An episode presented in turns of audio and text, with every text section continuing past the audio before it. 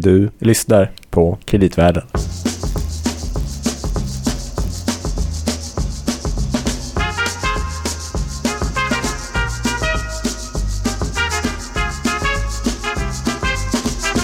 Varmt välkommen då till Kreditvärlden nummer 20. Oj. Eh, vi är en av de första eh, podcasterna om den finansiella marknaden på, eh, på svenska eh, men har ett härligt särskilt fokus eh, om kreditmarknaden och obligationer och allt som hör där till. Eh, helt enkelt för att Louis. Louis Lanneman. Som sitter med mig här är chef för kreditanalysen på Danske Bank Markets. Och sen har vi ju dig också, Gabriel Bergin. Mm, det stämmer. Mm. Som, eh, Kreditanalytiker på Danske Bank Markets. Exakt. Mm. Så att detta område ligger oss lite extra varmt om hjärtat eh, och vi hoppas att vi lyckas göra det intressant och spännande även för er som lyssnar. Kreditmarknaden, världens troligen mest spännande marknad. Eh, det verkar ju så. Jag har fått väldigt mycket kul lyssnarrespons på mm. att vi har lyckats göra den här marknaden spännande i alla fall, även om den inte var det redan innan. Hur som helst, eh, på våran marknad och även faktiskt i övrigt i Europa ska man säga att den stora snackisen just nu är ju igen Grekland. Ja, och vad som är intressant uh, när man börjar tänka på det här med Grekland. Vi har ju pratat om det i ett tidigare avsnitt mm. faktiskt. Som vi kan rekommendera att lyssna på om ni inte har gjort det. Mm. Uh, är ju faktiskt att återigen är det kreditmarknaden som står i centrum. Mm tycker vi. Mm, ja men så är det. Eh, var bra att du nämnde om förra avsnittet. Jag ska bara säga också att det, om man inte lyssnat på det så är det väldigt bra att gå tillbaka nu mm. kan och lyssna på det först. För det är lite av en eh, historisk eh, exposé över liksom, hur uppkom den här krisen och eh, vad, vad mynnade den ut i 2012 eh, då. Mm. När man faktiskt gjorde en nedskrivning av eh, den grekiska statsskulden.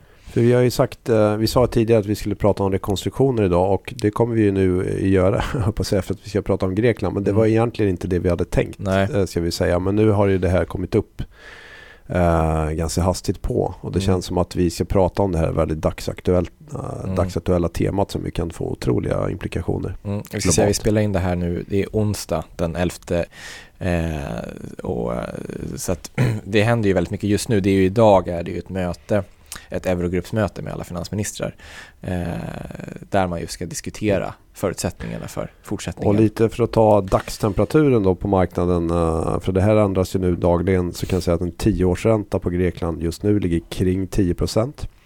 Intressant nog ligger en femårsränta på ungefär 15 procent och en mm. treårsränta på 19 procent. Mm. Och apropå det här med rekonstruktioner, det här är ju typiskt hur en, vad ska jag säga, ett stressat företag brukar handla. Alltså kurvan inverterar. Mm. Så att man får högre kupongränta på de korta obligationerna och lite lägre på de längre. Och det beror ju på att man börjar handla lite mer på pris. Mm. Uh, så att man börjar titta på hur mycket får jag tillbaka? Exakt, mm. precis. Och då blir löptiden inte så viktig. Men det som är intressant med det här är också att på de här nivåerna och när vi går tillbaka till, för det pratade vi om tror jag för lite knappt ett år sedan, att Grekland var ute och lånade upp pengar på obligationsmarknaden och vi mm. tyckte det var lite intressant att de mm. kunde göra det. Det kan de ju inte nu. Tillbaka. Nej, exakt. De här räntenivåerna kan man inte finansiera sig på som land. Nej. Så det är en, eh, en, stressad situation, helt klart. Mm. Det är lite av en cykel. Nu är man tillbaka igen. Eh, när man sitter vid förhandlingsbordet med EU mm. så är man också väldigt beroende av EU. Mm. Eh, just för att det är viktigt mm. vad som händer med förhandlingarna. Men okej, okay, det som har hänt egentligen eh, sedan sist är ju att den det som vad heter det, triggade det här är mm. att den politiska situationen i Grekland eh, nådde sin kulmen i och med nyvalet som vi nämnde tidigare eh, som utlöstes, utlystes, utlystes och utlöstes av eh, det missade presidentvalet där vid, vid nyårsskiftet. Mm. Och då i det här nya valet så förlorade eh, den sittande regeringen ganska väntat eh, Ny Demokrati eh, och den stora vinnaren blev Syriza, mm. som eh, inte, ett parti som inte fanns för bara några år sedan. Och nu är det en, en koalition mellan Syriza och ett annat, ska vi kalla det, missnöjesparti. Egentligen. Dock från högerflanken. Exakt, mm. precis. Ehm. och vad ska man säga om deras valprogram? Egentligen att det här med åtstramningar och privatiseringar tycker man att nu har vi provat det och det här fungerar inte så bra. Ehm, de rika måste betala mer i skatt. Ehm, och vi kan inte fortsätta att leva inom den här ja, vad ska man kalla det för? Det här ja, åtstramningsprogrammet som trojkan leder om man upplever att man blir styrd så att säga från, mm. från Bryssel. Och man har inte makt över sitt eget öde lite grann. Mm. dels det och sen så är ju också, ska man bara komma ihåg att Syriza är ju ett vänsterparti eh, och det har ju liksom fångat en viss eh, eh, en viss strömning som de senaste kanske året eller ett par åren har också kommit upp generellt i EU att man började ju med att eh, en ganska vad ska man säga, hård, beror på hur man ser det, men en mm. politik som går ut på att man måste skära ner i statens utgifter och eh, eh, liksom sanera statsbudgeterna för att komma ur den här skuldkrisen. Mm. Eh, att är fokus på det, eh, minska mm. budgetunderskotten. Eh, och det har ju liksom då Syriza hela tiden varit väldigt kritisk mot och, och snarare förespråkat tillväxtskapande eh, åtgärder om man ska kalla det. Och sen ska man säga att det man säger då att ja nu har vi uppnått ett budgetöverskott i Grekland och nu eh, tycker vi att nu måste vi få spendera lite mer pengar igen mm. och Eh, vår skuldbörda är fortfarande alldeles för stor och den behöver justeras ner eller mm. skrivas ner eller omförhandlas. Mm. Det är väl lite så. Nej men och rent politiskt, exakt så. Eh, och i förra avsnittet så pratade vi lite grann om eh, just det här ordet memorandum som helt plötsligt mm. blev liksom Skällsord. Ja, skällsord och en del av eh, liksom, den dagliga vokabulären i Grekland. Mm. Eh, vilket ju egentligen är bara det, liksom, den, det avtal som man ingick med då, Trojkan, ja. eh, IMF eh, och ECB, där det står vilka åtgärder man ska genomföra för att liksom, de ska få sin, sin eh, finansiering. Precis. Eh, och det här var ju lite av ett vallöfte då, att man skulle komma undan memorandum mm. Eh, från Syriza. Men då, ja, och då, nu blir stora frågan, hur ska memorandum, eller då, vad, blir det något memorandum även i fortsättningen? För att precis för att um, bara lägga bakgrunden här också så man är ju alltså i, inne i ett stödprogram just nu då. Uh, som leds av Trojkan och det är på drygt 170 miljarder euro. Mm. Och det här stödprogrammet förfaller uh, sista februari. Mm. Och det viktiga nu blir ju vill den här grekiska regeringen ha förhandlingar om att ingå i ett nytt program? Eller inte. Mm. Och eh, för att så att säga kunna få finansiering under även förhandlingstiden så är man beroende av eh, eller så, så, tycker väl EU eh, e och IMF att man måste uttrycka en vilja att man vill så att säga ingå i ett nytt program. Mm. Det är så att säga villkoret. Mm. Och att det kanske ska vara någorlunda i linje med det innan eller åtminstone vad EU är ute efter nu. För. Ja, precis. Och då kanske vi bara, alltså, om vi ska ha liksom en liten tidslinje för vad, vad, är det som kommer upp mm. här för skulder som förfaller? Om vi börjar med staten. Mm. Ja men exakt. Eh, grekiska staten då, eh, de, är, eh, de är ju skyldiga då, det är den här trojkan IMF, mm. EU och ECB. Och då är det lite olika delar, alltså finansieringen sker i olika delar och man är skyldig lite olika parter pengar helt enkelt på olika tillfällen. Men IMF har ganska strikta liksom, återbetalningsplaner med många, många hållpunkter. Men, mm. och två sådana kommer här ganska snart. Så dels är det i mars ska, så ska man betala 1,4 miljarder euro till IMF. Mm. Eh, och även i juni ska man göra en likadan betalning. Sen i juli så finns det en, en obligation eh, som dock numera ägs av ECB och andra nationella centralbanker i, i, i euroområdet på 3,5 miljarder. Mm. Så det är väl de här man lite grann pratar om nu. Sen som även i höst så. Ja, som näraliggande. Sen även i höst så kommer det lite andra återbetalningar till euroområdet. Mm. Men då just alltså för statsbudgeten eh, så att säga, eller liksom statens möjlighet att finansiera de här återbetalningarna med den, de, den kassa man egentligen har då, mm. eller de pengar man har. Eh, så säger, säger många att ja, men i mars betalning kommer man klara av mm. rent statsfinansiellt. Mm. Eh, så att det är kanske inte det mest akuta utan det är snarare bankerna. Bankerna. Exakt. Och här kommer du ju in på en intressant sak. Att även säger just äh, regeringen eller Syriza då säger man att ja men vi kan också ge ut i det korta perspektivet sådana här statsskuldsväxlar på mellan 5 till 8 miljarder som kan hålla oss om vi säger lite flytande. Mm. Uh, men det intressanta med det och då kommer vi in på det här med bankerna det är ju att det är egentligen ECB som bestämmer om det här kommer att funka eller inte och som även kan strypa den här finansieringen väldigt snabbt. För vem är det som köper de här eh, Exakt, precis. Det är de grekiska bankerna mm. då som köper en stor del av dem. Eh, sen går de då med dem som säkerhet och kan lämna dem till sin eh, nationalbank i Grekland eh, och få pengar för det. Mm. Men det bygger på att eh, statsobligationerna i Grekland godkänns av eh, egentligen ECB som säkerhet. Mm. Och vad ECBs regler säger är ju att eh, ja, från början var det så att man skulle, obligationer skulle ha så att säga, det här betyget investment grade. Mm. Har det varit från början. Sen har man ju med låg kreditrisk. Uh, nu ligger ju Greklands kreditbetyg väl, väl under det. Men då har man ju gjort undantag och sagt att vi kan även godkänna lägre kreditbetyg men då ska de här länderna vara inne i, i stödprogram. Mm. För annars är det för hög kreditrisk. Uh, och det här tycks det ju som att det här vidhåller ECB. Mm. Så, så, att det, då kommer man ju inte kunna göra det. Dessutom så finns det också en gräns på 15 miljarder tror jag det är inom det här stödprogrammet som man max får göra i statsskuldsväxlar då. Mm. Uh, men eh, vad de grekiska bankerna då kan göra det är att man kan få en typ av nödlån eller det finns något som kallas för, det heter väl ELA. Uh, eh, Emergency Liquidity Assistance. Exakt, uh, som man då kan få som är dyrare men det skulle man då kunna få och det tror jag är upp till uh, 60 miljarder tror jag är gränsen på det. Mm.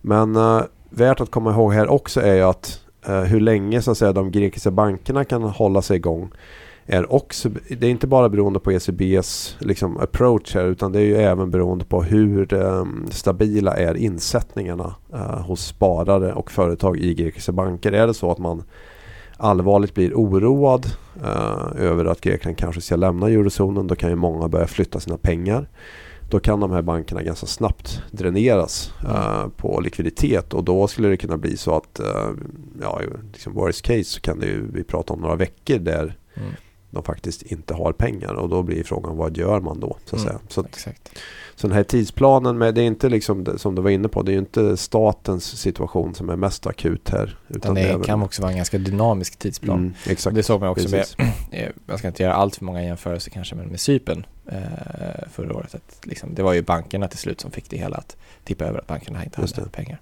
Exakt. Så då pratar man ju då om den grekiska regeringens sida så säger man som ett utspel att vi kan tänka oss någon form av bryggfinansiering mm. innan vi ingår i ett nytt program. Men där har man ju väl från EU sida ganska krasst sagt att vi, vi sysslar inte med bryggfinansiering eller någonting i den stilen. Inte i vår Nej, precis. Exakt, så att äh, här måste man väl ganska snart bestämma sig vilken mm. väg är, äh, ska man gå då framåt. Mm. Och det är väl det man inser eh, när man tittar lite grann på det här och det är anledningen till att det kanske skrivs så mycket om också. Det är ganska spännande för att det blir ju väldigt mycket en politisk förhandling. Mm. Eh, och eh, en förhandling, en väldigt offentlig förhandling och jag menar amerikanska finansministern liksom gav sig in här i veckan också och du vet, började prata om att eh, man måste ge lite eh, lättnader liksom till Grekland för att de har haft ja. så tufft. Liksom, så. Det finns ju även en säkerhetspolitisk aspekt på det här. Alltså ja. pushar man ut eller att Grekland lämnar eurozonen eller lämnar kanske till och med EU. Mm. Eh, kan man då söka sig till exempel mot Ryssland?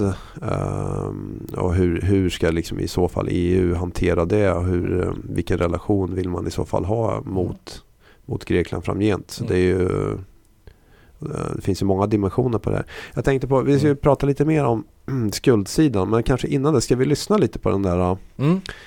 apropå förhandlingar, mm. när um, Schäuble träffade Varoufakis. I helgen, alltså. mm. exakt. Jo men då eh, hade de, som, som sig början en liten presskonferens efteråt. Mm. Eh, såg inte, de, de höll inte varandra i handen kan man de säga. De två finansministrarna. Schäuble och eh, Varoufakis då. Ja. Så här lät Vi waren uns We agreed, if I have understood correctly, that the question of a write down of Greek debt is not currently on the table. Germany's views matter as it's the biggest European contributor to Greece's five year bailout program. Varoufakis, for his part, said Athens had no intention of defaulting on its debts. My message to my German counterpart and to the people of Germany is simple. From our government, you can expect a frenzy of reasonableness. You can expect proposals that are aimed not at promoting the interest of the average Greek, but at promoting the interest of the average European. Intressant. Frenzy of reasonableness. Ja. Det är fantastiskt. Det var en bra fras. Ja, jag vet det, inte vad den betyder men det lät bra. ja, exakt. Det är på något sätt, jag vet inte om det är ett motsatsförhållande men nästan liksom. Man är särskilt sällan i en frenzy om man är resonabel, nej. resonlig. Men, eh, nej, men och det är väldigt intressant för att eh, dels har man ju de här vallöftena som du nämnde tidigare men liksom, alla bedömare verkar vara överens om att ja, man kommer inte infria de här vallöftena till punkt och pricka och man, börjar, man hör ju även lite senare eh, i andra intervjuer eh, där i helgen att Varoufakis pratar om att ja men nu är vi i en koalitionsregering. Eh, Mm. så. Nu är Syriza enormt mycket större än det andra partiet ska man komma ihåg. Men man har det som en ursäkt då kanske till grekiska väljare Mm. att nu eh, kan vi inte gö- genomföra allt det som vi sa utan vi måste göra, ja men vi kommer göra det bästa vi kan av situationen. Mm. Och det här pratar, skrivs om i grekisk media har vi läst att man pratar om en kolotumba, saltomortal. Det är bra ord också. Ja, det borde man använda lite mer i svensk politik. Jag tar en korotomba. Mm. Ehm, men ja, just att man, man, kommer, man kommer vara tvungen att liksom göra lite grann en, en helomvändning på vissa punkter Mm. och kanske gå EU till mötes. Men kruxet blir ju att gå till mötes precis lagom så att det framstår för grekiska väljare att ja, man ändå har satt hårt mot hårt Mm. ja, och gjort det man kan. Men alltså dilemmat när man tänker på det, det är ju det här med att eh, man förstår frustrationen, man förstår att man vill få en eh, förändring. Eh, samtidigt är då dilemmat att på något vis så vill de grekiska väljarna både liksom ha den här, vad ska jag säga, lämna åtstramningen och så vidare. Men man vill samtidigt vara kvar i euron om man Mm. tittar på liksom, folkopinionen. Och frågan är, går det att få ihop de där två sakerna? Därför att om vi då tänker oss att eh, man liksom stannar i programmet, man kanske får lite mer utrymme, eh, lite mer expansion. Eh, men problemet kommer ju vara att vi pratar ju inte om några radikala förändringar. För att det- är en myt som jag tycker är ganska intressant som är att så ska säga, Grekland dignar under sin skuldbörda och hela statsbudgeten eller halva går åt till att betala räntor. Och så är det ju faktiskt inte. Uh, därför att visserligen är ju statsskulden väldigt hög om man tittar i förhållande till BNP och så kan man säga kanske ohållbart hög. Man kan diskutera, ska den justeras? Men vad gäller själva räntebetalningarna uh, så är de väldigt låga. Just därför att man är ju inne i programmet med trojkan. Och man har ju fått väldigt förmånliga låga räntevillkor efter den här förra skuldnedskrivningen. Mm. Så att man har ju till exempel en genomsnittlig löptid på de här eh, lånen som är 16 och ett halvt år. Och det är längre än både Portugal har 11 år jag, Irland har 12 och ett halvt. Mm. Och Två andra programländer. Ja, exakt precis. Och tittar man då på vad betalar man? Och då, skulderna är tror jag totalt på drygt 300 miljarder euro. Uh, varav två tredjedelar är då mot eh, så att säga trojkan i form av eurozonen. Där har man ett lån som är, löper fram till 2041. Eh, väldigt lång löptid. Och det tror jag räntan är Euribor plus 50 baspunkter. Mm. Vilket det är. Just nu 50 baspunkter. Typ. Exakt, så vi En pratar halv en halv, en procent, halv ja. procent ränta på det. Mm. Sen har vi eh, till EFSF, ja, den här europeiska myndigheten och det är på tror jag över 30 år. Eh, och man behöver inte betala av någonting på det på 10 år. Eh, och så här kan vi liksom gå igenom den här listan. Eh, så att när man tittar då på hur mycket betalar man i räntor i förhållande till BNP så ligger skattningar, det här varierar lite men man ligger mellan tror jag 2,5% av BNP upp till kanske övre spannet eh, drygt 4%. Mm. Och som jämförelse kan man säga att det är mindre än både vad Italien och Portugal betalar. Och tar vi ett land som till och med Frankrike, de betalar 2,2 procent Mm. av sin BNP på räntor. Så att det här gör ju att eh, även om man skulle få så att säga lite mer manöverutrymme, det är inte räntebetalningarna som är problemet här. Eh, och det gör ju också att ge liksom mer utrymme. Jag menar länder som Italien och Portugal och så vidare som har sina problem och går igenom sina eh, hårda program har gjort. Ehm, och liksom, och förändringar, de kommer ju inte vara så benägna att vara jätteschyssta mot Grekland. Så vad kan, vad kan liksom Grekland uppnå i, i bästa fall? Lite mer expansionsutrymme men, men inga liksom...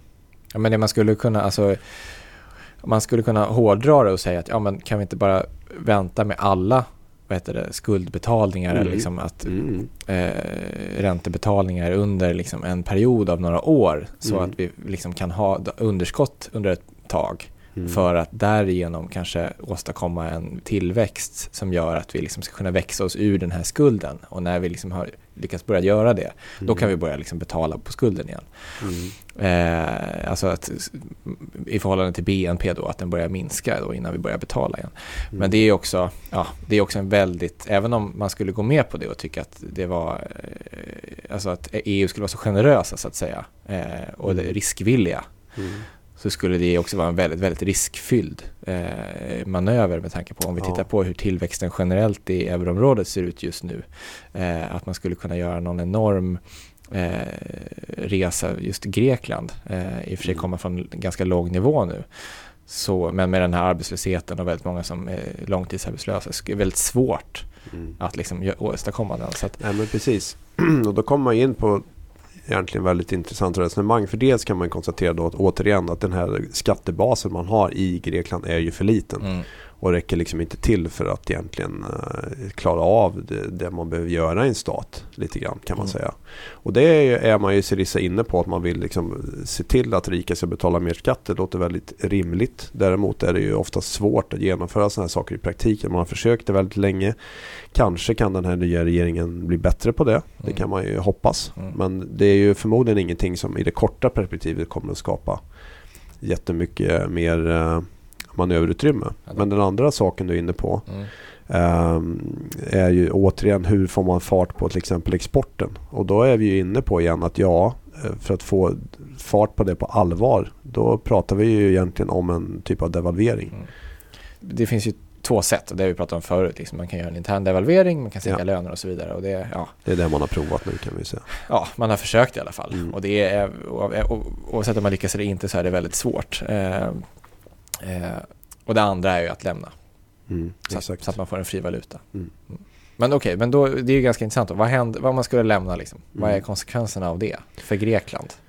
Exakt, och det här ja, det är superintressant. Men man, man, man kan ju då tänka sig som, som sagt som, alltså, som regering här så har man ett val att antingen går vi förhandlar, kommer in i ett nytt paket. eh, då kommer man förmodligen fortsätta ungefär som nu. Mm. Jag skulle ju tro under det scenariot så kommer ju missnöjet bland den grekiska allmänheten att fortsätta vara väldigt stort. Mm. Jättehög arbetslöshet och det kommer inte bli så mycket förändringar till det bättre. Eh, Men det kan man göra.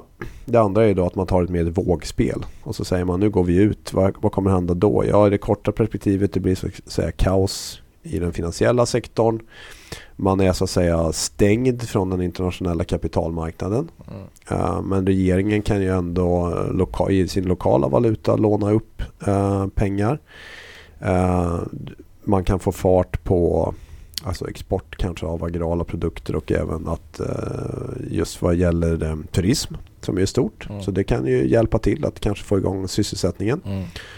Och på något års sikt så kan ju det här bli bra men den stora risken är väl att det kan bli otroligt, det kan bli kaotiskt i det korta perspektivet. Och det kan ju bli så att man slutar betala skatt och sådana saker där man upplever att myndigheterna inte, inte har kontroll över situationen. Och Mm. man ska nog inte utesluta att det även kan hända sådana saker som eh, en eh, militärkupp eller liknande. Alltså vem vet om det demokratiska systemet klarar av den turbulenta situationen som kommer uppstå. Det, ja, det är en, vad man får säga, det är en öppen fråga helt enkelt. Mm. Och sen är det, det som blir väldigt viktigt blir ju hur, hur kommer EU att förhålla sig då till Grekland? För på ett sätt vill man straffa dem kanske. För att om de väljer att gå ur så vill man inte att det ska vara ett lyckat exempel. Å andra sidan vill man kanske inte trycka så att säga, Grekland att de väljer att gå då, säg mot Ryssland eller liksom försöka hjälp någon annanstans. Ja. Så att det här, ja, det är väl också en sån, eh, det finns ju den aspekten på det också. Mm. Och sen kan man ju då fundera på för övriga Europa, kommer bankerna kunna hantera den här grekiska exiten? Ehm, och det kan man väl tro att det borde vara en större sannolikhet för det nu än för ett par år sedan. Alltså den direkta exponeringen mot grekiska banker är inte speciellt stor längre. Nej. Så att då handlar det mer om, tror man att Portugal eller Spanien ska gå ur eurozonen? Och det tror man väl kanske inte just nu. Ehm, möjligtvis på sikt då. Men jag, jag kan tycka att det, det borde man kanske kunna hantera. Men självklart kan det ändå bli en enorm psykologisk effekt av en sån här grej. Mm. Om det skulle hända. Ja, det finns ju en del som, som, som hävdar och tycker att Grekland borde kunna lämna och kanske kan komma tillbaka liksom, när man har justerat lite grann och, och så. Eh, att man kanske ska, Vilket tidsperspektiv att länder då? ska kunna komma ut och in i liksom en valutaunion, att den ska andas liksom. Men det, är ju, ja, det Mm. motsäger också lite grann poängen med en valutaunion. Just att det ska vara förutsägbart vad man, Mm. att man är tillsammans och hjälper varandra och har en viss valuta och sådär. Ja, vem vet. Det kanske går. Det låter ju tveksamt. Mm. Men återigen, ja, det, det blir väl som sagt frågan. Vill man, att det ska bli ett lyckat exempel. Mm. För om de går ur och så blir det jättelyckat. Ja. Då eh, blir det ju väldigt frestande för andra länder att säga det här kanske vi också borde prova. Och Mm. då är man nog inne på den här domino-teorin. Mm. Men det ligger väl kanske lite längre bort i tiden då, för att vi kommer ju ta några år innan vi vet om det så att säga, blir lyckat eller otroligt misslyckat. Ja, exakt. Alltså i närtid är väl inte risken för spridningseffekter till andra länder som Italien och Portugal säger särskilt stor just för att liksom allt det som ECB har gjort och vi har pratat om eh, och med Mm. kvantitativa lättnader och, liksom, alltså, Mm. Och även framförallt då det programmet, alltså det som eh, Draghi annonserade sommaren 2012 att man skulle eh, köpa statsobligationer har ju varit syftet att liksom lugna finansiella marknaden. Att, så att, Mm. och nu finns det en sån tilltro, eller åtminstone framförallt där man, liksom, att, Mm. eh, man kommer kanske inte springa till sin italienska bank och ta ut sina pengar i, i, i, liksom, för att man är rädd att de ska lämna euron bara för att Grekland gör det. Nej, exakt. Och både europeiska banker och stater egentligen får ju finansiering via ECB. Mm. Så att det känns ju som att det ändå Exakt. finns en, eh, en bra backning där. Dammluckorna är öppna. Exakt. Mm. Men däremot så har vi ju så att säga den politiska risken och där, därav också kanske att om vi tar till exempel Spanien ehm, så kanske den spanska regeringen är inte jättebenägen att ge otroliga eftergifter åt Grekland då man har en opposition i form av Podemos framförallt Mm. eh, som är liknande kanske till Syriza Mm. och ehm, man, återigen så skulle Syriza lyckas uppnå väldigt mycket av det man försöker driva så eh, kommer det att stärka eh, Podemos och liknande i Spanien. Så jag kan tänka mig att eh, man kommer att vara väldigt hård i de här förhandlingarna mot, Mm. mot Grekland. Och då blir det återigen frågan vad accepterar Syriza Mm. det? Att man inte får igenom så mycket. Mm. Um, mer än kanske semantiska förändringar. Kan man spinna det rätt? Ja, exakt. Eller tycker man att okej, vi lyckades ju faktiskt inte uppnå det vi sa. Så då får vi liksom ta nästa konsekvens och säga att då, då får vi liksom lä- lämna. Mm. Som parentes kan ju noteras att han, Yanis Varoufakis där, finansministern, han är ju han är ju expert på spelteori har jag förstått. Tydligen skrivit en massa forskningsavhandlingar om, på detta tema. Så att han kanske Vi kommer ja, kunna han utvärdera kan det i hans... praktiken eller är det mer teoretiskt. Vi kommer kunna utvärdera hans studier i ett annat ljus när allt det här är över. Ja, precis. Ja. Ehm, men det var vårt försök att utvärdera lite grann situationen i Grekland just nu. Alltså jag kan tänka mig under våren, eh, vi har ju mycket annat vi vill prata om också, men vi kanske ändå får anledning att återkomma till Grekland igen. Troligtvis Mm. får man säga. Eh, men det var faktiskt allt vi hann med eh, nu. Eh, så, får vi, eh, så får vi lova att återkomma med eh, faktiska rekonstruktioner som har varit i, inom kort och även mycket annat spännande. Så hör av er också till oss om ni har idéer på vad ni vill att ni ska prata om. Så det goda med det här är ju att ni som ser fram emot att höra lite mer om rekonstruktioner bland företag, ni har ju det kvar. Kommer det kanske i nästa avsnitt då? Den som väntar på något gott. Precis. Mm.